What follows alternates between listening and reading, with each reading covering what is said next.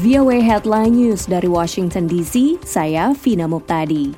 Cabang regional Al-Qaeda mengimbau muslim di seluruh dunia untuk tidak memberi perhatian pada Piala Dunia di Qatar, menurut sebuah pernyataan yang dilaporkan oleh sebuah kelompok pengawas. Namun, kelompok militan itu tidak mengeluarkan ancaman terkait peristiwa itu. Al-Qaeda di Semenanjung Arab, cabang yang berbasis di Yaman, mengkritisi Qatar karena membawa orang-orang tak bermoral, homoseksual, penabur korupsi dan ateisme ke Semenanjung Arab. Grup itu mengatakan perhelatan tersebut mengalihkan perhatian dari pendudukan negara-negara muslim dan penindasan yang mereka alami. Penyelenggara Piala Dunia merespons kritikan terhadap catatan HAM Qatar, termasuk hak-hak LGBTQ serta pembatasan sosial. Penyelenggara mengatakan bahwa semua orang terlepas dari orientasi seksual ataupun latar belakang diterima di acara itu. Presiden Federasi Sepak Bola Internasional FIFA, Gianni Infantino, pada Sabtu membela Qatar yang selama ini dihujani kritik dari sejumlah pihak terkait isu pekerja migran. Ia menyebut tingkah kritikus tersebut sebagai kemunafikan, sambil menambahkan bahwa terlibat adalah satu-satunya cara untuk memperbaiki masalah HAM. Dalam pidato sambutan pembukaan pada konferensi pers menjelang dimulainya turnamen olahraga dua tahunan itu, Infantino mengecam kritikan pedas Eropa terhadap negara tuan rumah terkait masalah pekerja migran dan hak-hak LGBT.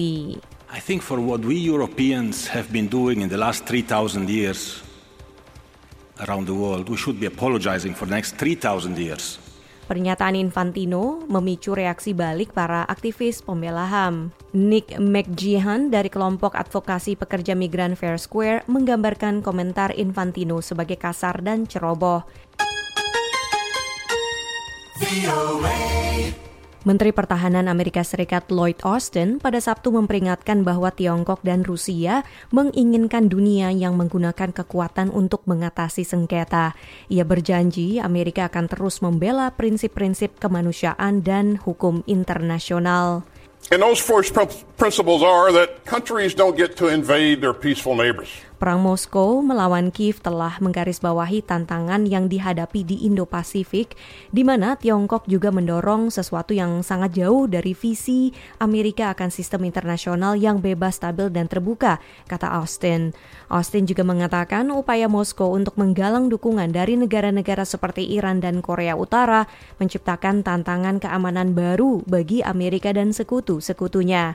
Washington mengatakan personel Iran ada di Crimea untuk membantu Rusia melancarkan serangan drone terhadap Ukraina. Teheran membantah tuduhan itu.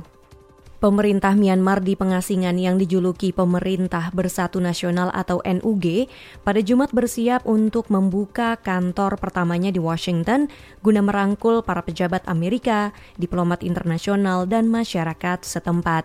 Menteri Luar Negeri NUG, Zinmar Aung, mengatakan kepada VOA bahwa kantornya berusaha mengedepankan komunikasi antara pemerintah bayangan itu dan berbagai kepentingan. Ia mencatat bahwa NUG memiliki perwakilan di negara-negara lain, termasuk Australia dan Korea Selatan.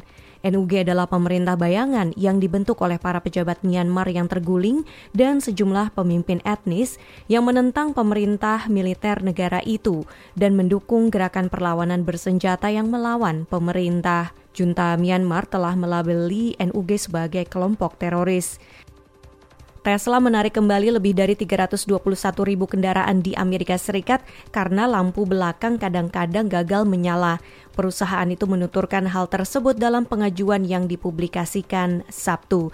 Berita tersebut mengikuti langkah perusahaan sebelumnya yang pada Jumat juga menarik hampir 30 ribu mobil model X di Amerika karena masalah yang dapat menyebabkan kantong udara penumpang depan tidak terpasang dengan benar. Aksi korporasi Tesla tersebut membuat nilai saham terkoreksi hampir 3 persen ke level terendah dalam hampir dua tahun. Dalam pengajuan yang diterbitkan pada Sabtu kepada Administrasi Keselamatan Lalu Lintas Jalan Raya Nasional, produsen kendaraan listrik itu mengatakan penarikan terkait lampu belakang mencakup beberapa kendaraan model 3 2023 dan model Y 2020 hingga 2023. Sekian VOA Headline News, sampai jumpa.